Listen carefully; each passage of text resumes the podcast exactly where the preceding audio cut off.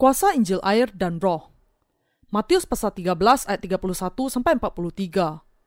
Yesus membentangkan suatu perumpamaan lain lagi kepada mereka. Katanya, Hal kerajaan surga itu seumpama biji sesawi yang diambil dan ditaburkan orang di ladangnya. Memang biji itu yang paling kecil dari segala jenis benih. Tetapi apabila sudah tumbuh, sesawi itu lebih besar daripada sayuran yang lain, bahkan menjadi pohon, sehingga burung-burung di udara datang bersarang pada cabang-cabangnya. Dan ia menceritakan perumpamaan ini juga kepada mereka. Hal kerajaan surga itu seumpama ragi yang diambil seorang perempuan dan diadukkan ke dalam tepung terigu tiga sukat sampai kamir seluruhnya. Semuanya itu disampaikan Yesus kepada orang banyak dalam perumpamaan, dan tanpa perumpamaan, suatu pun tidak disampaikannya kepada mereka, supaya genaplah firman yang disampaikan oleh Nabi. Aku mau membuka mulutku, mengatakan perumpamaan. Aku mau mengucapkan hal yang tersembunyi sejak dunia dijadikan maka Yesus pun meninggalkan orang banyak itu lalu pulang. Murid-muridnya datang dan berkata kepadanya, Jelaskanlah kepada kami perumpamaan tentang lalang di ladang itu. Ia menjawab, katanya, Orang yang menaburkan benih baik ialah anak manusia. Ladang ialah dunia. Benih yang baik itu anak-anak kerajaan dan lalang anak-anak si jahat. Musuh yang menaburkan benih lalang ialah iblis. Waktu menuai ialah akhir zaman dan para penuai itu malaikat. Maka seperti lalang itu dikumpulkan dan dibakar dalam api, demikian juga pada akhir zaman. Anak manusia akan menyuruh malaikat-malaikatnya dan mereka akan mengumpulkan segala sesuatu yang menyesatkan dan semua orang yang melakukan kejahatan dari dalam kerajaannya. Semuanya akan dicampakkan ke dalam dapur api. Di sanalah akan terdapat ratapan dan kertakan gigi. Pada waktu itulah orang-orang benar akan bercahaya seperti matahari dalam kerajaan Bapa mereka. Siapa bertelinga, hendaklah ia mendengar. Adalah kerinduan dan pengharapan saya bahwa Injil air dan roh akan disebarkan dengan penuh kuasa di seluruh dunia.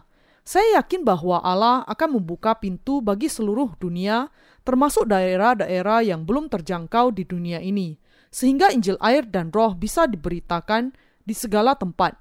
Saya yakin bahwa Injil yang benar akan disebarkan dengan luar biasa di seluruh dunia dan bahwa Injil itu akan disaksikan sepenuhnya kepada semua manusia yang mencari kebenaran tanpa ada yang tertinggal. Saya yakin bahwa terlepas dari apakah itu keinginan kita atau bukan, amanat agung dari Allah yang mewartakan Injil air dan roh ke seluruh dunia pasti akan digenapi dengan segera. Saya juga yakin bahwa melalui kita, Allah akan memberitakan Injil ke seluruh dunia, karena inilah yang sudah ditetapkan untuk dilaksanakan oleh Allah.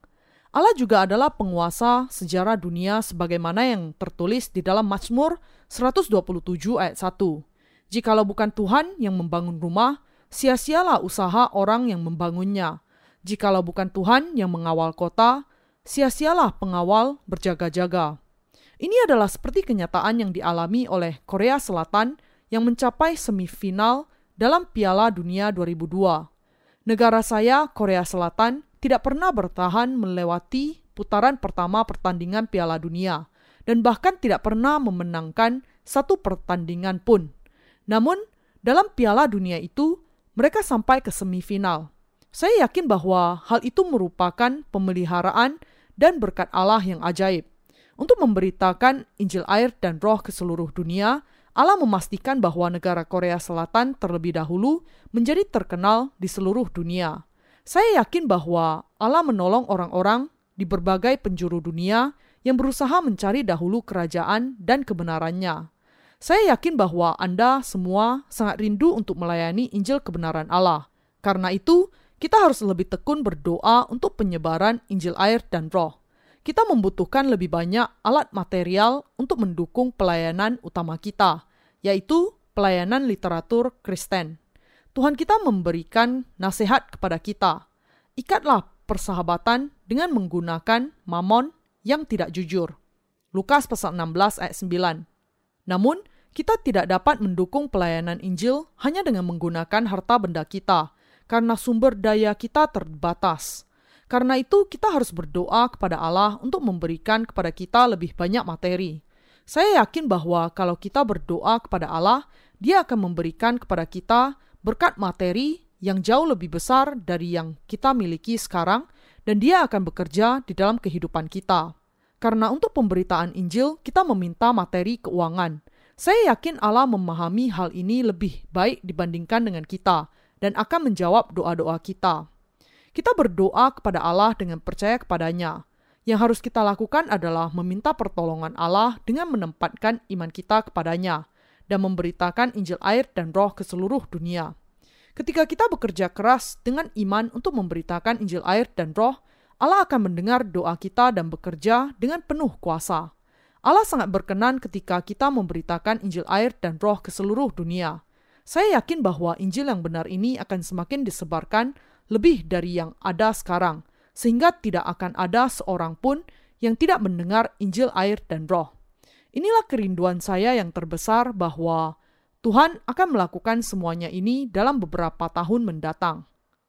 Apakah kuasa Injil air dan roh yang seumpama biji sesawi? Kita baru saja membaca Matius pasal 13 ayat 31 sampai 43. Ayat 31 dan 32 mengatakan, Yesus membentangkan suatu perumpamaan lain lagi kepada mereka, katanya, Hal kerajaan surga itu seumpama biji sesawi yang diambil dan ditaburkan orang di ladangnya. Memang biji itu yang paling kecil dari segala jenis benih, tetapi apabila sudah tumbuh, sesawi itu lebih besar daripada sayuran yang lain, bahkan menjadi pohon, sehingga burung-burung di udara datang bersarang pada cabang-cabangnya. Yesus mengatakan bahwa kerajaan Allah adalah seperti biji sesawi yang ditaburkan seseorang di ladangnya. Tuhan kita mengatakan bahwa biji sesawi adalah yang terkecil di antara segala jenis benih. Tetapi ketika dia bertumbuh, dia menjadi lebih besar dari sayuran yang lain dan bahkan menjadi pohon sehingga burung-burung di udara datang dan bersarang di cabang-cabangnya. Tuhan kita sedang berbicara mengenai kuasa dari Injil melalui perumpamaan dalam bagian ini. Dengan cara lain, melalui kuasa dari Injil yang benar, Allah sudah memampukan orang-orang berdosa untuk menerima pengampunan dosa dimerdekakan dari dosa-dosa yang membelenggunya, dan dengan itu menerima kehidupan yang baru yang penuh kedamaian. Singkatnya, bagian ini menjelaskan kepada kita mengenai bagaimana kuasa Injil air dan roh bekerja untuk melebarkan kerajaannya. Di dalam perumpamaan ini, kerajaan surga di sini menunjuk kepada kerajaan Allah, dan biji sesawi di sini menunjuk kepada Injil air dan roh. Ketika orang pertama kali bertemu dengan Injil air dan roh ini, mungkin nampaknya sangat kecil dan tidak secara khusus memiliki harga yang sepadan. Tetapi bagi orang-orang yang sudah menerimanya di dalam hati mereka, kebesaran dari kerajaan Allah sudah dipenuhi di dalam roh mereka. Ini menunjuk kepada proses di mana orang kudus yang dilahirkan kembali kemudian menjadi para pekerja yang bekerja bagi kerajaannya. Kerajaan Allah ini dengan kata lain dimulai dan kemudian disempurnakan melalui iman kepada firman Injil air dan roh yang kuasanya adalah seperti biji sesawi. Ketika kita percaya kepada Injil air dan roh yang telah diberikan Yesus kepada kita, kita akan menjadi anak-anak Allah sendiri. Dan orang-orang yang demikian kemudian juga akan menjadi para hamba Allah yang akan membawa orang-orang berdosa kembali kepada Allah. Yesus mengatakan kepada kita melalui perumpamaan ini bahwa para hamba Allah membangun kerajaan Allah, merangkul orang-orang berdosa yang tidak terhitung banyaknya ke dalam tangan mereka, dan membawa semua itu kepada Tuhan. Tuhan tidak berbicara tanpa perumpamaan. Matius pasal 13 ayat 34 sampai 35 mengatakan, "Dan tanpa perumpamaan suatu pun tidak disampaikannya kepada mereka, supaya genaplah firman yang disampaikan oleh nabi. Aku mau membuka mulutku mengatakan perumpamaan. Aku mau mengucapkan hal yang tersembunyi sejak dunia dijadikan." Apakah hal-hal yang tersembunyi sejak dunia dijadikan? Hal itu adalah kuasa Injil air dan roh yang bisa membangun kerajaan Allah. Tuhan kita sudah menyembunyikan kuasa Injil air dan roh, Injil surgawi itu sehingga menjadi rahasia di atas bumi ini. Melalui perumpamaannya dengan kata lain, Tuhan berbicara mengenai bagaimana kerajaan Allah dapat dibangun di atas bumi ini. Kita bisa melihat bahwa adalah melalui orang-orang yang percaya kepada Injil air dan roh, sehingga kerajaannya bisa dibangun di atas bumi ini. Dengan kata lain, adalah melalui iman dari orang-orang yang tidak memiliki dosa ini yang sudah dilahirkan kembali melalui kuasa Injil air dan roh bahwa kerajaan Allah dibangun. Inilah sebabnya Tuhan sudah dengan sempurna menjadikan orang-orang yang percaya kepadanya menjadi umatnya sendiri dengan kuasa Injil, air, dan roh, sehingga roh kita tidak akan berkekurangan apa pun untuk menjadi umat Allah. Dengan memberikan kepada kita kuasa Injil, Tuhan sudah memberikan kesempurnaan kepada kita semua, dan Dia sudah memampukan kita untuk menjadi umat Allah dan pekerja-pekerja di dalam kerajaannya. Karena itu, melalui para pekerja Allah yang demikian, banyak orang berdosa yang akan mendengar firman Injil air dan roh, Injil yang benar itu, dan berkumpul di bawah pengajaran mereka. Demikianlah caranya mereka diselamatkan dari segala dosa mereka, menjadi umat di dalam kerajaan Allah yang menerima segala berkat dan perlindungan darinya. Inilah kuasa Injil air dan roh. Injil air dan roh yang berkuasa ini adalah kebenaran yang sempurna bagi kerajaan Allah. Injil ini meneguhkan kerajaan Allah dan menjadikan orang-orang berdosa menjadi umat Allah dengan memampukan mereka untuk dilahirkan kembali. Adalah ketika kita percaya kepada Injil air dan roh sehingga kerajaan Allah dibangun di dalam kita. Orang-orang benar diubahkan menjadi umat Allah dan para hamba dunia diubahkan menjadi para pekerja Allah.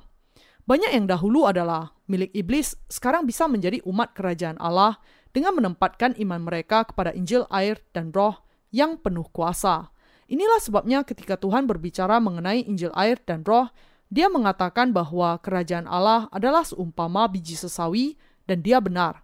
Kebenaran yang dikatakan Yesus ini mengatakan bahwa kerajaan Allah adalah seumpama seseorang yang menanam biji sesawi di ladangnya adalah sebuah rahasia yang disembunyikan Allah. Allah Tritunggal sudah merencanakan bahkan sebelum dunia ini dijadikan. Karena iblis dan karena kelemahan mereka sendiri, manusia tidak bisa tidak jatuh ke dalam dosa dan tenggelam di sana. Namun, Allah telah memberikan jalan yang melaluinya orang-orang seperti itu tetap bisa menjadi umat Allah. Inilah sebabnya Tuhan kita mengatakan, hal kerajaan surga itu seumpama biji sesawi yang diambil dan ditaburkan orang di ladangnya. Kerajaan Allah dengan kata lain adalah rahasia yang tersembunyi di dalam Injil, air, dan roh yang berkuasa. Karena itu, ketika manusia percaya kepada Injil air dan roh, mereka akan semua menerima pengampunan atas dosa-dosa mereka dan menjadi orang-orang benar. Mereka akan menjadi umat Allah dengan iman mereka kepada Injil yang benar. Mereka juga akan menjadi para pekerja Allah dengan iman. Melalui Injil ini, anak-anak yang tadinya terkutuk akan menjadi sasaran utama dari berkat Allah. Selain dari iman kepada Injil air dan roh ini, tidak ada sesuatu pun yang bisa mengubahkan Anda menjadi orang-orang yang diberkati demikian. Apakah Anda akan menjadi umat Allah kalau Anda hanya percaya kepada darah di kayu salib saja? Yang secara sempurna dan lengkap menjadikan Anda sebagai umat Allah dan yang sudah membentuk Anda menjadi para pekerja di dalam kerajaannya adalah Injil kuasa air dan roh. Tuhan atas Injil air dan roh yang berkuasa ini tidak lain adalah Tuhan kita sendiri, anda dan saya jangan pernah meremehkan kuasa Injil air dan roh ini, karena Tuhan kitalah yang sudah datang ke bumi ini dan memberikan kepada kita Injil ini karena anugerahnya. Dalam pandangan sepintas, Injil yang sejati itu mungkin nampaknya sangat mirip dengan Injil keliru yang hanya percaya kepada darah di kayu salib. Tetapi secara tegas bisa dikatakan Injil air dan roh ini ada di dalam dimensi yang sama sekali berbeda dengan segala Injil yang lain. Kita harus menjadi umat Allah dengan percaya kepada Injil, air, dan roh yang penuh kebenaran ini. Melalui Injil ini, kita harus terlebih dahulu diampuni dan dibasuhkan dari segala dosa kita dan menjadi umat Allah dan para pekerjanya yang sangat berharga. Kita juga harus memberitakan Injil, air, dan roh yang penuh kuasa ini kepada mereka yang masih terbelenggu oleh iblis. Adalah ketika kita melakukan hal ini, sehingga orang-orang dalam jumlah yang sangat banyak kemudian bisa menerima pengampunan dosa mereka. Yesus berbicara mengenai rahasia tentang surga ini dalam perumpamaan, supaya jangan sembarang orang bisa memahaminya.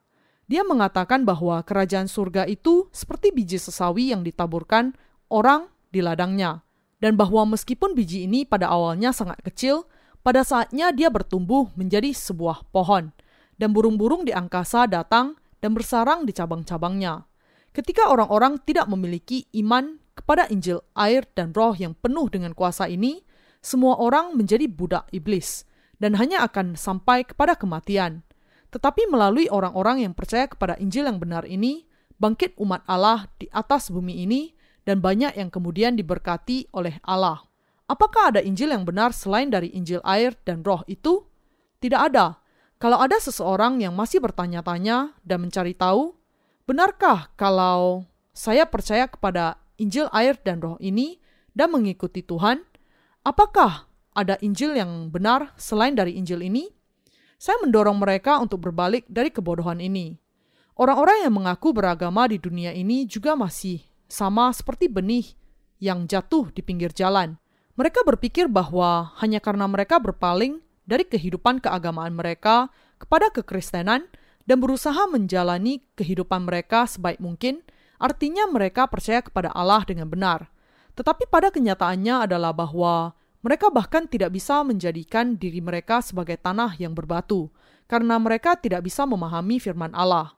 Karena terhalang oleh tembok agama dunia yang kokoh, mereka bahkan tidak menyadari betapa berdosanya mereka dan betapa lemahnya kehidupan mereka. Bahkan sekarang, karena itu, orang-orang ini harus memahami betapa penuh hawa nafsu kehidupan mereka, mengenal diri mereka, dan mencari firman kebenaran. Mereka harus percaya dengan kata lain bahwa Tuhan kita dengan memberikan Injil air dan roh yang penuh kuasa karena belas kasihannya kepada kita sudah melenyapkan segala dosa kita sekaligus dan sudah menyelamatkan kita dengan sempurna. Yang harus kita lakukan hanyalah percaya kepada hal ini dan dengan demikian menjadi anak-anak Allah. Yang kemudian harus kita lakukan adalah bersyukur kepada Allah. Namun, karena masih banyak orang-orang yang tidak percaya dengan cara demikian dan masih ragu, Allah menjadi kecewa Apakah ini Injil yang penuh kuasa atau bukan? Haruskah saya percaya kepada Injil ini atau tidak? Bagi mereka yang masih ragu-ragu demikian, saya menasehati mereka supaya menanggalkan keraguan mereka dan memastikan bahwa mereka percaya kepada Injil air dan roh.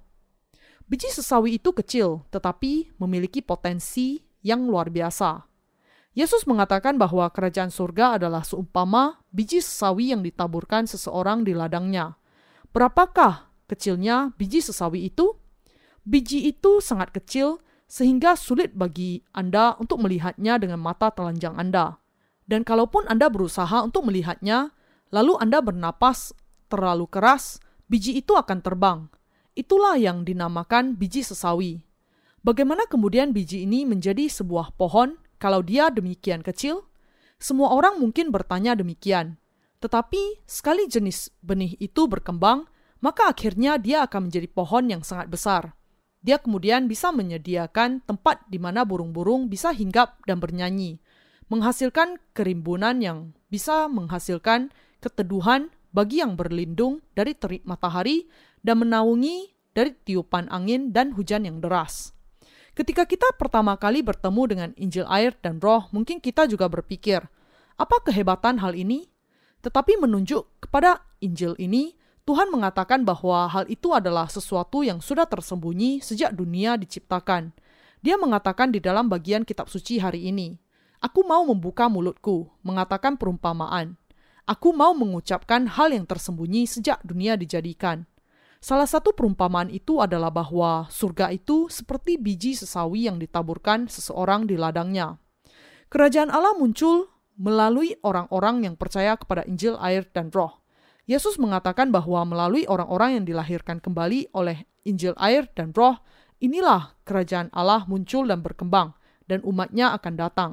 Sebagaimana api kecil yang menyala bisa berubah menjadi api yang sangat besar dan membakar hutan yang luas, adalah melalui orang-orang yang memberitakan Injil air dan roh dengan kata lain, maka banyak orang bisa menjadi anak-anak Allah. Inilah sebabnya kita jangan sampai mengira bahwa Injil air dan roh ini tidak ada gunanya, atau berpikir dalam ketidaktahuan kita, saya yakin bahwa ada yang lebih baik dibandingkan dengan Injil air dan roh. Begitu banyak orang di dunia ini yang sudah menyelidiki begitu banyak dan menghasilkan banyak pelajaran. Apakah ini berarti bahwa apa yang dikatakan para teolog itu salah? Kalau Anda sungguh-sungguh memiliki pemikiran yang demikian, Anda harus menyingkirkannya. Sadarilah kenyataan bahwa biji sesawi yang nampaknya tidak berharga dan diabaikan manusia akhirnya berkembang menjadi pohon yang sangat besar. Akuilah kenyataan bahwa adalah kuasa Injil air dan roh yang sudah menjadikan Anda dan saya yang dahulunya adalah orang-orang berdosa menjadi orang-orang benar. Sudahkah dosa-dosa Anda dihapuskan karena doktrin-doktrin seperti doktrin pengudusan bertahap atau doktrin Calvinis tentang pembenaran? Sudahkah Anda menjadi orang-orang benar dengan menghadiri pertemuan Pentakosta yang menekankan pengalaman misterius pribadi Anda? Teologi, doktrin, dan kebenaran manusia sama sekali tidak memiliki kuasa untuk menghapuskan dosa-dosa manusia. Hanya kuasa Injil air dan roh yang bisa melenyapkan dosa-dosa kita, menjadikan kita sebagai umat Allah, dan dengan menjadikan kita umat di dalam kerajaan Allah, membangun kerajaan ini di atas bumi ini. Oleh siapakah kerajaan surga dibangun? Kerajaan surga dibangun hanya oleh orang-orang yang percaya kepada Injil air dan roh. Bahkan sebelum dunia diciptakan, Allah memilih kita di dalam Kristus, menentukan kita di dalam Kristus, dan menjadikan kita sebagai umatnya di dalam Kristus. Singkatnya, di dalam Yesus Kristus anaknya sajalah Allah Bapa merencanakan keselamatan kita, yaitu karena Yesus Kristus dilahirkan ke bumi ini, dibaptiskan, mati di atas kayu salib, bangkit dari kematian, dan dengan itu sudah menyelamatkan kita, dia sudah memungkinkan kita untuk menjadi anak-anak Allah sendiri dengan percaya kepada Injil air dan roh yang penuh kuasa ini. Dengan melakukan semua hal ini, dia sudah memampukan kita untuk memuji Allah percaya kepadanya, dan bersyukur kepadanya. Dia sudah menjadikan kita memuji kemuliaan Allah. Kita kemudian sudah mengenal kehendak Allah terhadap diri kita, yang sudah menjadi rahasia yang tersembunyi sejak dunia diciptakan. Dengan iman kita kepada kebenaran yang dinyatakan di dalam perumpamaannya mengenai penabur, kita bisa memahami firman kebenaran. Surga, kerajaan Allah, adalah milik orang-orang yang memiliki iman seperti ini. Dengan kata lain, kerajaan surga menjadi milik orang-orang yang percaya kepada Injil, air, dan roh. Tidak seorang pun kecuali orang yang memiliki hikmat rohani yang layak menerima kebenaran. Orang-orang yang keras kepala secara rohani hanya terpaku kepada pengertian yang sudah ada, bahkan meskipun itu terbukti tidak benar. Ada pepatah yang mengatakan, kita tidak pernah berpikir dua kali tentang apa yang didukung oleh suara mayoritas. Dengan demikian, banyak orang Kristen yang bahkan tidak pernah berpikir mengenai kemungkinan akan kesalahan iman mereka. Karena mayoritas mutlak orang Kristen percaya bahwa hanya darah di kayu salib saja kebenaran kepada keselamatan mereka. Inilah sebabnya orang-orang Kristen zaman ini penuh dengan orang-orang percaya yang buta demikian. Namun, tidak benar bagi kita untuk hanya memiliki iman yang kuat kepada apa pun. Memiliki iman kepada Yesus sekedar sesuai pemikiran kita sendiri, sebagaimana yang dilakukan oleh orang-orang yang mengaku beragama di dunia ini, seolah-olah hal itu hanyalah sekedar pengakuan keagamaan belaka, bukanlah percaya kepada Injil, air, dan roh yang benar. Sebelum mengenal Injil air dan roh, kita tidak memiliki Injil Allah yang sudah sungguh-sungguh melenyapkan segala dosa kita. Untuk menjadi anak-anak Allah yang sejati, bukanlah sesuatu yang bisa didapat hanya oleh para abdi Allah yang penuh kuasa seperti Rasul Paulus atau Petrus. Meskipun demikian, mereka yang tidak memahami Injil air dan roh mengatakan, bagaimana mungkin seseorang bisa tidak memiliki dosa? Hal itu hanya mungkin bagi para abdi Allah yang sangat khusus, sebagaimana Abraham, Ishak, Yakub, Elia, Yehezkiel, atau Daniel – dan menegaskan bahwa meskipun kita sudah percaya kepada Yesus, kita tidak akan pernah bisa menjadi seperti para hamba Allah ini. Mereka menjadi orang Kristen karena mereka merasa bahwa kekristenan adalah agama yang terbesar di dunia. Karena Alkitab nampaknya merupakan sebuah teks dan kebenaran yang agung, sesuatu yang mereka rasa harus mereka pahami karena mereka sangat tersentuh oleh kasih Yesus di kayu salib. Karena kalau tidak percaya, mereka merasa berdosa dan kalau percaya mereka merasa lebih berhikmat karena mereka merasa lebih berbudaya kalau percaya kepada Allah karena mereka merasa bahwa mereka akan menjadi lebih memiliki kelas jika mereka berjalan dengan bangga membawa Alkitab di sisi mereka, duduk di gereja, berdoa, dan mendengar firman, dan karena mereka berpikir bahwa mereka akan berubah menjadi intelektual besar kalau mereka mendengar diskusi filsafat tentang Nietzsche, Hegel, atau para pemikir besar serupa di dunia ini. Singkatnya, kebanyakan orang Kristen bertujuan untuk mendapatkan kepribadian yang mereka inginkan pada saat mereka menjadi orang-orang Kristen. Dengan kata lain, hampir tidak ada orang yang sungguh-sungguh menjadi tidak memiliki dosa dengan percaya kepada Yesus yang menjadi umat Allah, yang menjadi anak-anaknya, yang menjadi orang-orang benar, dan yang menjadi pekerja Allah yang berharga. Sangat sedikit sekali yang percaya kepada Yesus dengan kerinduan untuk memiliki iman yang sama yang dimiliki oleh orang-orang benar dan para hamba Allah di dalam Alkitab untuk menjalani kehidupan sebagaimana mereka menjalaninya. Namun, Tuhan kita tidak ingin kita menjadi sekedar orang beragama. Dia hanya menghendaki agar kita percaya kepada Injil air dan roh yang memiliki kuasa, memampukan kita menjadi anak-anak Allah dan untuk membangun kerajaannya di atas bumi ini. Rekan seiman yang terkasih, apakah Anda percaya bahwa Injil air dan roh sudah menjadikan Anda anak-anak Allah? Ya, Injil yang berkuasa inilah yang sudah menjadikan kita sebagai anak-anak Allah. Injil air dan roh sudah memberikan kepada kita iman yang sama dengan iman Abraham. Bagaimanakah Abraham percaya? Dia percaya kepada firman Allah dengan pengharapan meskipun dia ada dalam situasi yang sangat menyedihkan. Imannya adalah demikian. Tuhan, meskipun firman-Mu nampaknya tidak digenapi sesuai dengan pikiran saya, saya yakin bahwa hal itu akan digenapi dengan sempurna, karena Engkau adalah Allah yang Maha Kuasa. Iman kita sekarang adalah sama dengan iman Abraham yang diterima Allah. Iman Sarah juga sama dengan iman kita. Bagaimana Sarah mengandung anaknya? Dia menjadi hamil ketika dia percaya kepada janji Allah yang mengatakan, "Adakah sesuatu apa pun yang mustahil untuk Tuhan?" Pada waktu yang telah ditetapkan itu, tahun depan aku akan kembali mendapatkan engkau. Pada waktu itulah Sarah mempunyai seorang anak laki-laki. Kejadian pasal 18 ayat 14. Secara manusiawi adalah sesuatu yang mustahil bagi Sarah untuk melahirkan. Dia sudah hampir berusia 90 tahun pada saat itu. Tetapi ini menjadi kenyataan karena Sarah dan Abraham percaya. Karena Allah yang berjanji, dia pasti akan memberikan seorang anak kepada kita tahun depan. Tentu saja, Sarah tidak bisa percaya kepada firman janji Allah itu pada awalnya.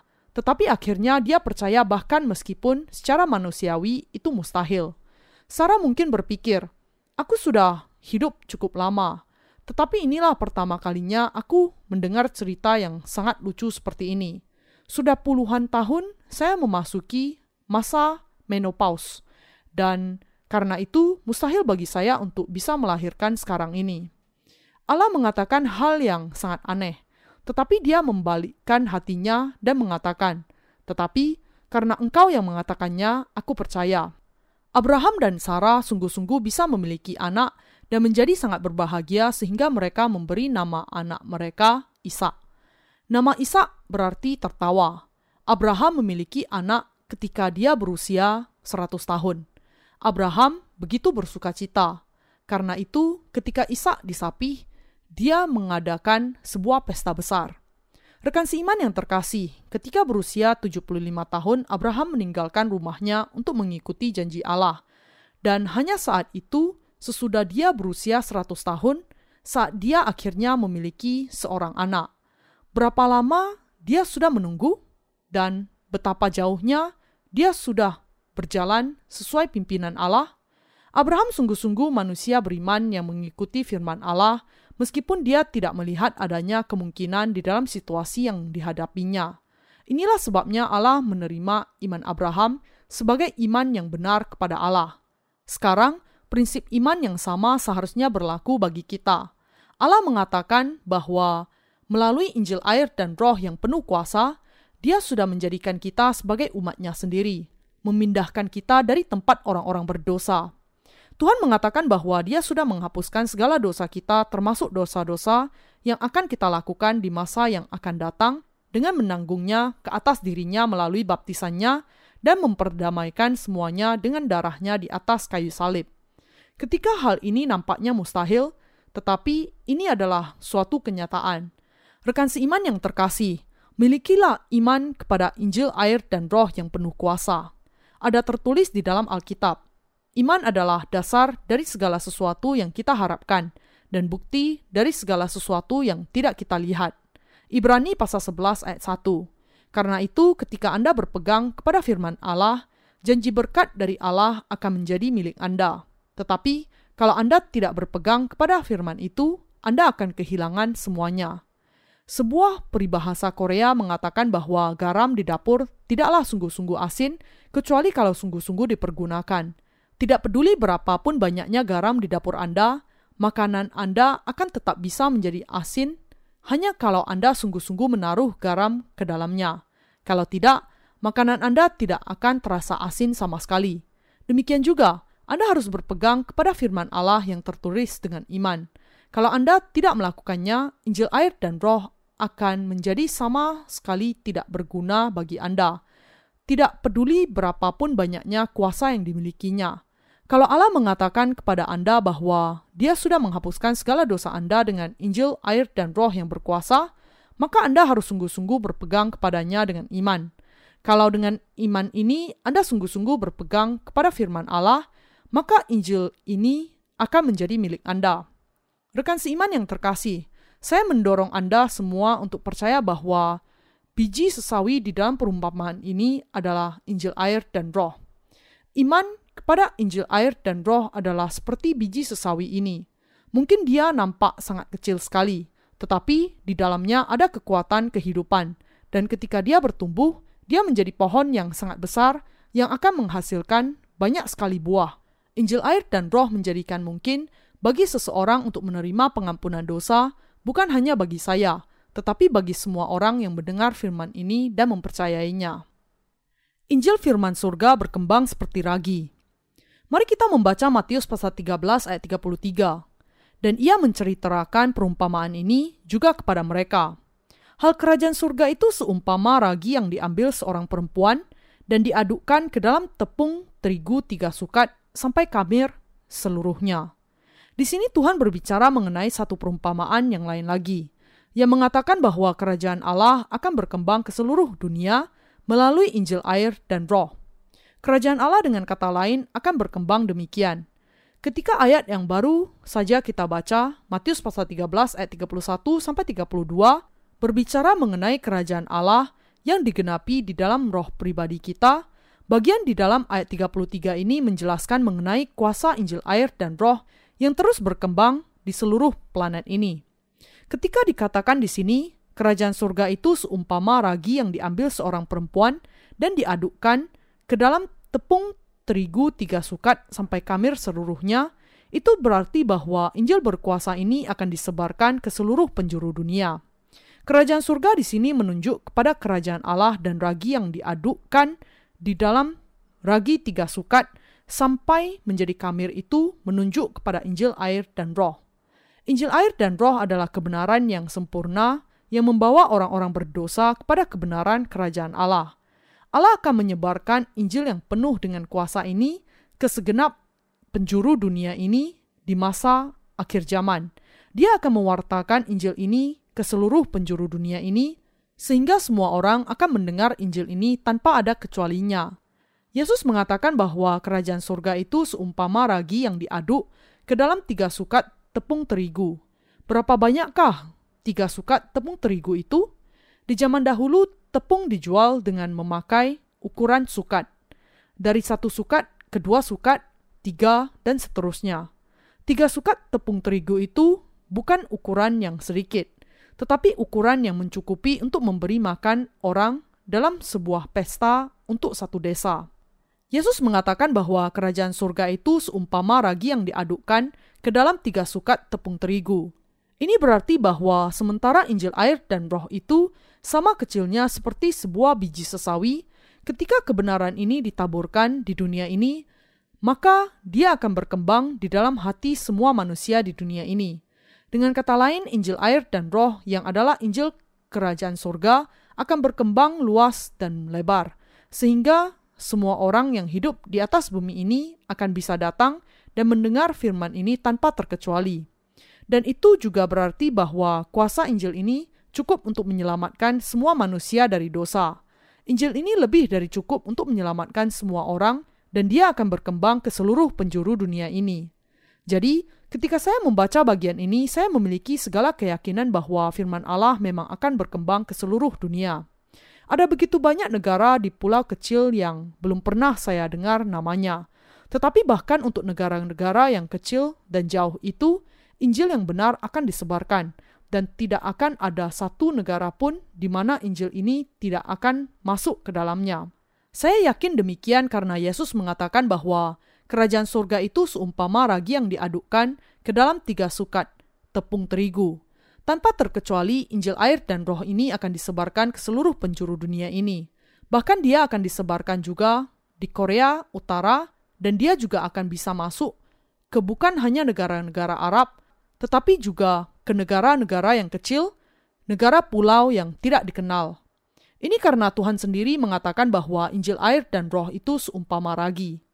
Meskipun kita sendiri mungkin tidak memiliki cukup kuasa atau harta, Injil air dan roh itu memiliki kuasa yang luar biasa, dan karena itu pasti akan berkembang ke seluruh dunia. Bukankah memang demikian? Inilah sebabnya dengan iman kita harus mempersiapkan kemampuan kita untuk dengan sepenuh kekuatan kita memberitakan Injil air dan roh. Injil yang benar pastilah akan tersebar ke seluruh penjuru dunia. Injil itu akan memenuhi seluruh dunia. Dengan memiliki iman ini, apa kemudian yang harus kita lakukan? Ketika kita sampai kepada rangkaian pemikiran yang demikian, kita menyadari bahwa semua ciptaan adalah milik Allah, dan kita sampai kepada kesimpulan bahwa kita harus berdoa kepada Tuhan untuk memberikan kepada kita sarana keuangan untuk memberitakan Injil ini ke segala tempat. Kita harus berdoa kepada Allah untuk memberikan seratus kali lipat dibandingkan dengan apa yang ada pada kita sekarang. Bukan seribu, sejuta, semiliar kali lipat sehingga kita bisa memberitakan Injil ke segala penjuru dunia ini dalam waktu yang sesingkat mungkin.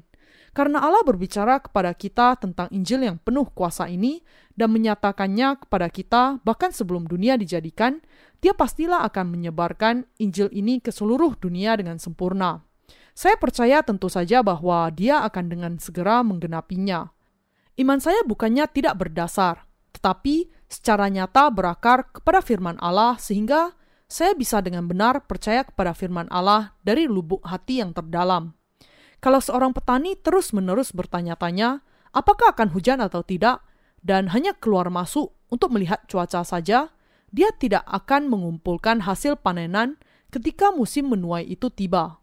Ketika firman Allah mengatakan sesuatu, kita harus memiliki iman atas firman-Nya itu dan mengatakan, "Ya, pasti semuanya akan terjadi sebagaimana yang tertulis.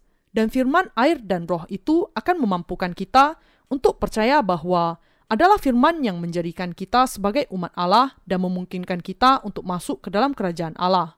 Kita harus memahami bahwa Injil air dan roh yang penuh kuasa itu adalah firman kebenaran tentang pengampunan dosa. Dan kita harus menyadari bahwa Injil ini akan memenuhi seluruh dunia sampai kepada kepenuhannya dan kita harus percaya juga demikian. Saya salah satunya percaya akan hal itu. Apakah Anda juga percaya? Apakah Anda mengenal kuasa Injil air dan roh? Apakah Anda percaya bahwa Injil air dan roh adalah kebenaran yang memampukan Anda untuk menjadi umat di dalam kerajaan Allah? Apakah Anda percaya bahwa Injil air dan roh akan memenuhi dunia ini? Allah sudah menyatakan hal ini kepada kita hari ini. Dengan menyatakan Injil ini ke seluruh dunia, Allah pastilah akan menggenapi rencananya. Mari kita beralih ke Matius pasal 13 ayat 36 sampai 43. Maka Yesus pun meninggalkan orang banyak itu, lalu pulang. Murid-muridnya datang dan berkata kepadanya, Jelaskanlah kepada kami perumpamaan tentang lalang di ladang itu. Ia menjawab, katanya, Orang yang menaburkan benih baik ialah anak Allah. Ladang ialah dunia, benih yang baik itu anak-anak kerajaan, dan lalang anak-anak si jahat. Musuh yang menaburkan benih lalang ialah iblis. Waktu menuai ialah akhir zaman dan para penuai itu malaikat. Maka seperti lalang itu dikumpulkan dan dibakar dalam api, demikian juga pada akhir zaman. Anak manusia akan menyuruh malaikat-malaikatnya dan mereka akan mengumpulkan segala sesuatu yang menyesatkan dan semua orang yang melakukan kejahatan dari dalam kerajaannya. Semuanya akan dicampakkan ke dalam dapur api. Di sanalah akan terdapat ratapan dan kertakan gigi. Pada waktu itulah orang-orang benar akan bercahaya seperti matahari dalam kerajaan Bapa mereka. Siapa bertelinga, hendaklah ia mendengar. Rekan seiman yang terkasih, kita harus menyiapkan telinga untuk mendengar. Tuhan, berikanlah kepadaku telinga yang siap untuk mendengar dan memahami firman Allah. Demikianlah, kita harus berdoa kepada Allah dan meminta pertolongannya. Para murid Yesus datang kepadanya dan mengatakan, Jelaskanlah kepada kami perumpamaan tentang lalang di ladang itu. Tuhan kemudian mengatakan kepada mereka, Orang yang menaburkan benih yang baik itu adalah anak manusia. Demikianlah dia yang mewartakan Injil kebenaran tentang kerajaan surga adalah Allah sendiri. Dan dia adalah Yesus yang sudah datang sebagai manusia. Apakah ladang itu, yaitu sasaran yang kepadanya Yesus memberitakan firman-Nya? Sasarannya adalah dunia sendiri. Semua orang yang hidup di dunia ini adalah ladangnya. Yesus kemudian mengatakan, benih yang baik itu adalah anak-anak kerajaan. Mereka yang percaya kepada Injil, air, dan roh, dengan kata lain, adalah orang-orang yang menjadi milik kerajaan Allah. Singkatnya, benih yang baik itu adalah Injil air dan roh, dan kita bisa menjadi anak-anak Allah dengan percaya kepada Injil ini. Anak-anak Allah adalah benih yang baik, dan pada saat yang sama mereka juga menaburkan benih yang baik dalam ketaatan kepada Tuhan mereka. Sesungguhnya kita semua sudah diselamatkan dari segala dosa kita dengan Injil kebenaran, dan kemudian kita sudah menyerahkan hidup kita untuk memberitakan firman keselamatan itu. Sebagaimana Yesus mengatakan bahwa musuh yang menyebarkan lalang itu adalah iblis, iblis jugalah yang menaburkan dan menanam Injil yang palsu di dalam hati manusia. Lalang itu bertumbuh dengan sangat subur, tetapi ketika kita memperhatikannya dengan seksama, kita bisa melihat bahwa mereka sangat berbeda dengan gandum. Lalang memiliki belang putih di balik daunnya. Lalang itulah yang berusaha nampak lebih baik. Mereka berpura-pura menjadi lebih berbudi dan memiliki lebih sedikit dosa. Sama seperti bunga imitasi sering lebih bagus dibanding aslinya. Lalang nampak lebih kuat dibandingkan dengan gandum. Sebagaimana hukum Gresham mengatakan, uang yang buruk mengusir kebaikan. Lalang sudah bertahan di sepanjang sejarah kekristenan dan menjadi mayoritas mutlak di dalam kekristenan zaman ini. Tetapi yang jelas adalah bahwa lalang itu akan dikumpulkan dan kemudian akhirnya dibakar dengan api. Yesus mengatakan bahwa lalang itu adalah anak-anak si jahat. Yesus mengatakan bahwa lalang itu adalah anak-anak iblis dan bahwa musuh yang menaburkan lalang itu adalah si jahat itu adalah si jahat yang menaburkannya. Musuh Allah, musuh kita, adalah si jahat itu. Yesus mengatakan bahwa benih yang baik di sisi lain ditaburkan oleh anak-anak Allah. Dia mengatakan bahwa benih yang baik itu adalah dari anak manusia, dan bahwa hal itu adalah firman Yesus yang datang berinkarnasi dalam rupa manusia. Tuhan kita datang ke bumi ini dan sudah menyelamatkan kita melalui Injil air dan roh. Tuhan kita menanggung dosa-dosa kita melalui baptisannya mati di atas kayu salib, bangkit kembali dari kematian, dan dengan itu sudah menyelamatkan kita. Sebelum kita percaya kepada firman ini, kita harus terlebih dahulu percaya bahwa Yesus adalah Allah sendiri. Kita harus terlebih dahulu percaya bahwa Yesus adalah Allah dan Juru Selamat kita.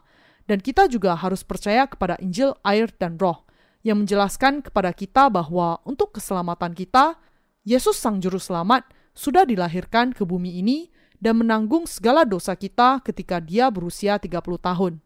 Meskipun Yesus dilahirkan ke dunia ini dalam rupa manusia untuk datang sebagai juru selamat kita, dia pada dasarnya adalah sama hakikatnya dengan Allah sendiri. Meskipun demikian, dia tidak memamerkan keilahiannya, tetapi dia menjalani kehidupannya selama 33 tahun dalam kerendahan hati, semuanya untuk menyelamatkan kita.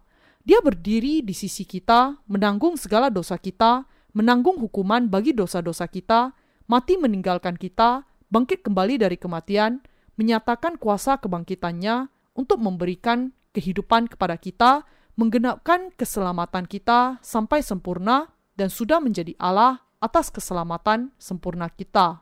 Alkitab dengan jelas menyatakan bahwa Yesus adalah Allah yang benar dan kehidupan kekal. 1 Yohanes pasal 5 ayat 20.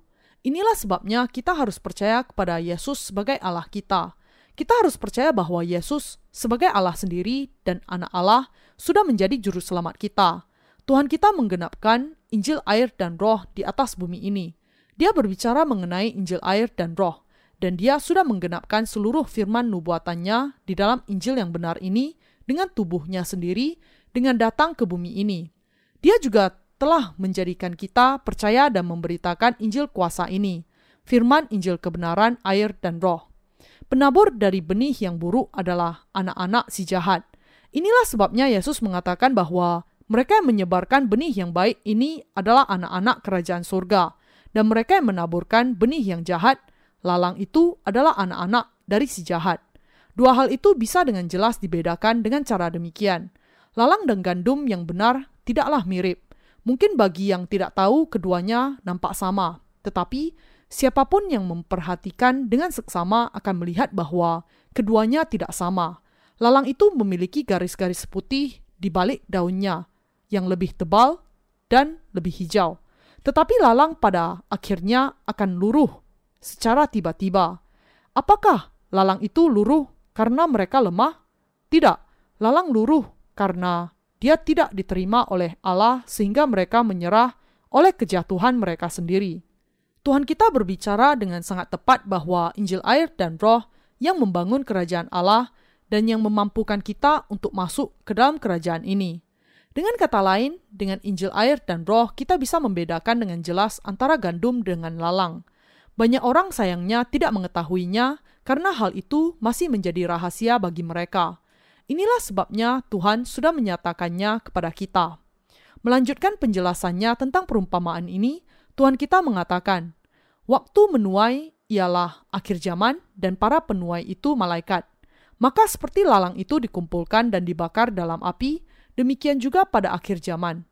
Anak manusia akan menyuruh malaikat-malaikatnya dan mereka akan mengumpulkan segala sesuatu yang menyesatkan dan semua orang yang melakukan kejahatan dari dalam kerajaannya. Semuanya akan dicampakkan ke dalam dapur api.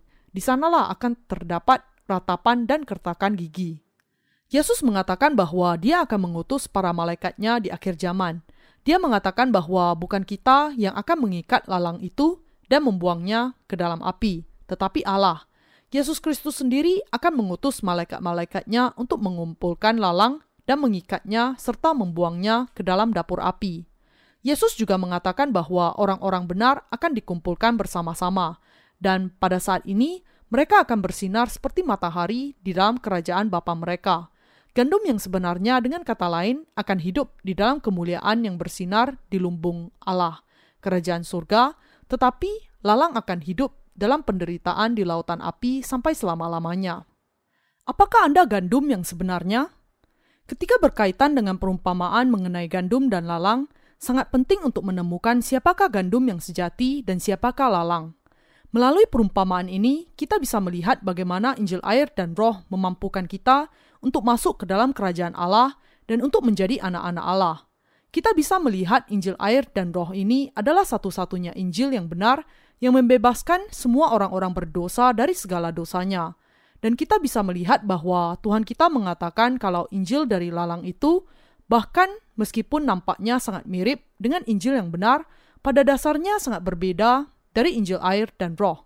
Injil air dan roh yang kita beritakan ini lebih dari cukup untuk diwartakan ke seluruh dunia. Dia akan tersebar tanpa terkecuali. Bagaimanapun berkekurangannya kita, Injil air dan roh tetap akan diberitakan, karena ini bukanlah pekerjaan kita, tetapi pekerjaan Allah sendiri. Dia pastilah akan menggenapi pekerjaan ini.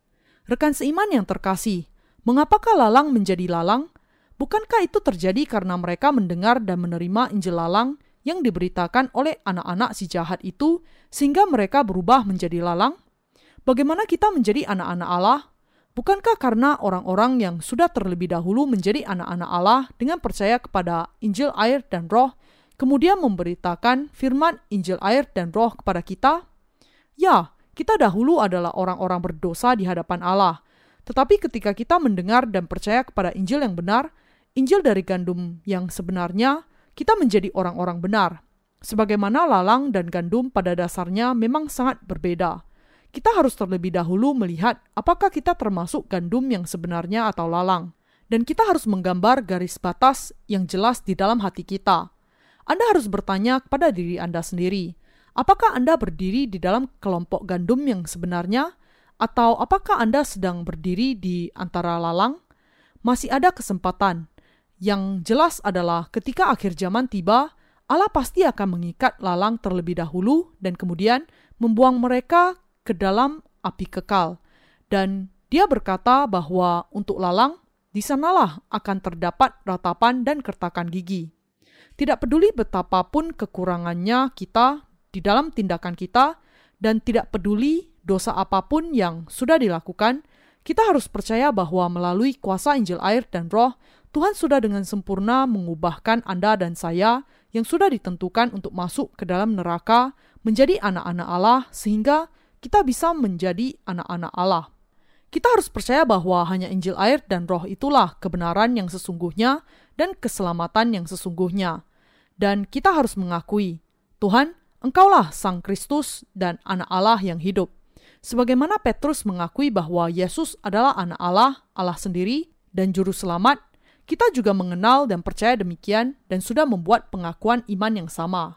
Dengan melakukannya, iman kita sudah diterima dan dipuji oleh Allah, dan kita sudah menjadi anak-anaknya, pekerjanya, dan para pekerja di dalam gereja. Kita semua, Anda dan saya, harus percaya bahwa Injil air dan roh itu satu-satunya kebenaran yang sesungguhnya dan hanya Injil inilah yang sudah menghapuskan segala dosa kita. Haruskah saya mengambil langkah ini atau langkah itu? Saya tidak bisa melangkah ke sana sepenuhnya, setidaknya belum. Saya masih perlu sedikit ruang. Saya tidak akan mempertaruhkan semuanya di sini. Saya tidak yakin bahwa semuanya memang demikian. Apakah ada seseorang yang sesudah melangkahkan satu kaki, tetapi ragu-ragu untuk meletakkan kaki yang satunya? Hanya Injil air dan roh sajalah yang sudah menyelamatkan Anda dan saya dari segala dosa kita. Hanya kuasa Injil air dan roh inilah yang cukup untuk membuat kita tidak memiliki dosa. Tidak ada yang lain yang bisa melakukan ini. Sebagaimana tertulis di dalam kisah para rasul pasal 4 ayat 12. Dan keselamatan tidak ada di dalam siapa pun juga selain di dalam dia. Sebab di bawah kolong langit ini tidak ada nama lain yang diberikan kepada manusia yang olehnya kita dapat diselamatkan. Tidak ada nama lain kecuali Yesus Kristus yang sudah menghapuskan dosa-dosa kita dengan memberikan kepada kita Injil air dan roh yang penuh kuasa. Dia sudah membasuh kita dengan sempurna sepenuhnya. Meskipun dosa-dosa kita seperti kirmizi, dia sudah membasuhnya menjadi putih seperti salju. Yesaya pasal 1 ayat 18. Di dalam perumpamaannya tentang penabur dan keempat jenis tanah, Tuhan kita mengatakan, Sejak dari mulanya, kamu sudah menyembah berhala, bukannya memahami atau mendengarkan firmanku, tetapi dikuasai hawa nafsu, duniawi, dan mementingkan kesenangan pribadi. Kamu tidak bisa tidak dibuang ke dalam neraka karena dosa-dosamu. Tetapi aku datang untuk menyelamatkan kamu dan menggenapi keselamatanmu sampai kepada kesempurnaan melalui kuasa Injil air dan roh. Aku sudah menghapuskan segala dosamu. Dengan dibaptiskan, mati di atas kayu salib dan bangkit kembali dari kematian, aku sudah secara sempurna menyelamatkan kamu dari segala dosamu. Kamu kemudian harus menjadi percaya kepada apa yang sudah aku lakukan untukmu dan menjadi umat Allah. Tidakkah kamu percaya kepada hal ini supaya bisa menjadi umat Allah? Tidakkah kamu mau menjadi umat Allah sendiri? Tidakkah kamu mau masuk ke dalam kerajaan surga? Tidakkah kamu mau masuk ke dalam kerajaan Allah yang sudah aku persiapkan bagi kamu? Tuhan kita menasihati kita, kalau aku sudah sangat mengasihi kamu, Ketika aku akan mengasihi kamu sampai selamanya, mengapa kamu tidak mau menerima kasihku? Inilah yang dikatakan Tuhan kepada kita semua, kepada semua manusia di dunia ini, melalui perumpamaannya tentang penabur. Pada dasarnya, kita sudah meninggalkan Allah dan bahkan menyembah berhala. Kita sudah menjadi benih pelaku kejahatan yang dilahirkan ke dalam dunia ini dengan 12 macam dosa di dalam hati kita, ditentukan untuk menjalani seluruh kehidupan kita hanya untuk menghasilkan buah-buah dosa. Kita sudah senantiasa melakukan perbuatan jahat dan setiap saat sangat duniawi, dikuasai hawa nafsu dan mementingkan kesenangan pribadi. Demikianlah kita sudah menjadi begitu jahat sehingga menjadi sangat mustahil bagi kita untuk menjadi anak-anak Allah dengan kekuatan kita sendiri. Tetapi untuk menyelamatkan orang-orang seperti kita, Allah sendiri datang ke dunia ini dalam rupa manusia dan ketika dia berusia 30 tahun, dia dibaptiskan untuk menanggung dosa-dosa kita. Dia menerima segala dosa kita melalui baptisannya dan kemudian naik ke kayu salib untuk disalibkan. Dan dengan mencurahkan semua darahnya serta mati, lalu dia berkata, "Sudah selesai." Yohanes pasal 19 ayat 30. Dia berseru dengan kata lain, Aku sudah menyelamatkan kamu secara sempurna, dan dengan bangkit kembali dari kematian, Tuhan sudah menjadi juru selamat bagi Anda dan saya. Dia sekarang bertanya kepada kita, saya sudah menyelamatkan kamu semua. Aku sudah memberikan kepadamu firman kuasa Injil air dan roh. Bisakah sekarang kamu percaya kepada hal ini? Aku sudah menggenapkan keselamatanmu dengan menanggung segala dosamu melalui baptisanku, mati di atas kayu salib, dan bangkit kembali dari kematian. Bisakah sekarang kamu percaya kepada segala hal ini yang aku lakukan karena kasihku kepadamu? Rekan seiman yang terkasih, pada dasarnya kita dahulu tidak lebih dari sekedar lalang. Adam dan Hawa, nenek moyang kita menjadi lalang karena tipu daya iblis. Tetapi mereka diselamatkan dengan percaya kepada firman Allah dan kita juga bisa diselamatkan dengan percaya kepada firman-Nya. Anda sekarang sudah diberi kesempatan. Yesus bertanya kepada Anda, "Kamu dilahirkan sebagai lalang, tetapi tidakkah kamu sekarang sudah menjadi gandum yang sesungguhnya?" Sekarang semuanya bergantung kepada pilihan kita. Kalau kita merasa tidak masalah menjadi hamba iblis dan kita membiarkan hati kita sebagaimana adanya, maka kita akan tetap saja menjadi lalang. Tetapi kalau kita berpikir, Meskipun aku memiliki kekurangan, aku tidak mau tinggal sebagai hamba iblis. Aku mau menjadi anak Allah, meski aku memiliki kekurangan. Tuhan, kasihanilah saya dan terimalah saya. Maka kita harus mengakui bahwa kita ditentukan untuk masuk ke neraka. Dan kita harus percaya bahwa Tuhan sudah menyelamatkan kita melalui Injil air dan roh. Orang-orang yang demikian bisa berubah menjadi gandum yang asli. Melalui perumpamaan tentang gandum dan lalang, Allah sebenarnya bertanya kepada kita tentang kita di mana posisi kita, yaitu apakah kita termasuk lalang atau gandum. Di manakah Anda berada ketika iblis menggoda hati Anda untuk berpikir, tetapi saya masih seperti lalang. Tidak masalah kalau saya masuk ke neraka. Maka Anda harus mengatakan, tidak, mungkin saya menjalani kehidupan yang hancur demikian di dunia ini. Tetapi saya ingin menjalani kehidupan yang berbahagia di kehidupan yang akan datang. Saya ingin menjalani kehidupan yang dipenuhi dengan kasih. Saya ingin mendapat penghargaan. Paling tidak, saya ingin pergi ke tempat yang baik. Meskipun tindakan saya mungkin banyak kekurangan, saya ingin menjadi pekerja gereja Allah dan untuk menjalani kehidupan bagi kebenarannya. Saya mendorong Anda untuk memiliki jenis hati yang demikian yang mencari kebenaran.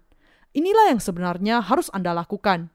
Melalui perumpamaan tentang gandum dan lalang, Tuhan menjelaskan kepada kita tentang betapa benarnya Injil air dan roh itu. Tuhan kita menyamakan Injil air dan roh seumpama benih, biji sesawi. Dan dia juga mengumpamakan kerajaan surga itu seperti ragi.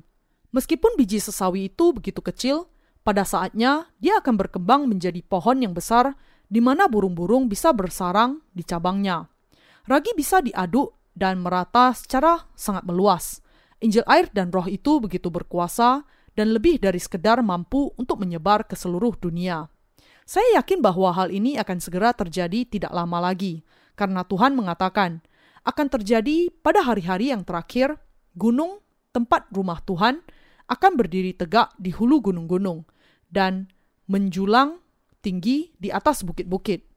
Segala bangsa akan berduyun-duyun ke sana, Yesaya pasal 2 ayat 2. Dan kita yakin bahwa ketika dunia baru datang kepada kita di akhir zaman, orang-orang yang percaya kepada Injil air dan roh akan bersinar seperti matahari di kerajaan surga. Apakah Anda percaya demikian? Anda dan saya akan menjalani kehidupan kita dengan bercahaya seperti matahari. Yesus mengatakan bahwa ketika harinya tiba, orang-orang benar akan bersinar seperti matahari. Jenis kehidupan yang bagaimanakah yang menjadi kehidupan yang akan bercahaya seperti matahari? Kehidupan itu adalah kehidupan yang mulia di dalam kerajaan surga. Siapakah yang dikatakan oleh Yesus akan menjalani kehidupan di sana? Orang-orang benar akan menjalani kehidupan di sana. Apakah yang dipercayai oleh orang-orang benar? Mereka percaya kepada Injil air dan Roh. Siapakah yang akhirnya akan mereka ikuti? Mereka mengikuti Tuhan kita. Saya menaikkan ucapan syukur kepada Allah Bahkan ketika saya memberitakan firman ini, saya merasa bahwa meskipun firman ini mungkin memberikan begitu banyak penghiburan dan keuntungan bagi kita, bagi mereka yang masih menjadi lalang, hal itu melelahkan dan membosankan. Tetapi hal itu terjadi hanya karena sikap mereka yang keras kepala, sehingga hati mereka kemudian dikeraskan juga dan tidak bisa mendengarkan suara yang lembut dari Tuhan kita. Ketika kita berpikir mengenai apa yang harus mereka hadapi di masa yang akan datang, saya merasa sangat kasihan kepada mereka. Inilah sebabnya saya tidak bisa berhenti memberitakan Injil yang benar. Injil air dan roh akan berkembang terus ke seluruh dunia tanpa kecuali, dan Injil itu akan melingkupi semuanya. Dan mereka yang percaya kepada Injil ini akan masuk surga bahkan meskipun mereka masih lemah dalam tindakan mereka, tetapi mereka yang masih berada dalam jajaran sebagai lalang akan dibuang ke neraka walau bagaimanapun lurusnya tindakan mereka. Lalang memang sepenuhnya ditentukan untuk dibuang ke dalam api kekal. Inilah sebabnya saya kasihan kepada mereka. Ketika akhir zaman tiba, kebahagiaan dan kesedihan akan nampak perbedaannya. Ketika saya memberitakan firman, ada waktu di mana saya merasa kurang pasti tentang di mana harus memusatkan perhatian. Kalau saya mengabaikan saja lalang itu dan hanya berpikir mengenai kemuliaan di depan kita, saya bisa memberitakan firman dengan penuh sukacita, bahkan sambil menari. Tetapi saya tidak bisa bersukacita sepenuhnya karena masih banyak orang di dunia ini yang tidak mengenal Injil air dan roh yang bisa menjadikan hati mereka sebagai tanah yang subur. Adalah pengharapan dan doa saya bahwa anda semua akan memahami betapa jahat, penuh hawa nafsu, dan lemahnya Anda di hadapan Allah, dan betapa Anda sudah ditentukan untuk masuk ke neraka. Memahami bahwa karena hal ini, maka hanya melalui Injil air dan roh sajalah Anda kemudian bisa menjadi anak-anak Allah, dan kemudian menjangkau iman yang percaya kepada hal ini. Jalan iman masih tetap tersedia, masih ada bagian hidup Anda yang harus dijalani. Kita adalah para pekerja Allah, karena itu saya bersyukur kepada Allah. Apakah kita bekerja keras atau tidak, kehendak Allah akan tetap digenapi. Saya ingin agar para hamba Allah, orang-orang kudusnya, dan gerejanya di seluruh dunia terlebih dahulu memiliki iman kepada firman Allah. Ini bukan tentang ajakan. Mari kita melakukan sesuatu. Namun, yang penting adalah mengatakan, Allah sudah berfirman, dan hal itu akan digenapi tanpa kecuali. Jadi dengan kata lain ini mengenai memiliki iman kepada firman. Bangkit menerima tantangan itu, berdoa dan meminta, dan percaya bahwa Tuhan pastilah akan memberikan kuasa dan memampukan kita untuk menggenapi pekerjaan ini. Allah menghendaki untuk menyelamatkan bahkan para lalang itu dari segala dosa mereka.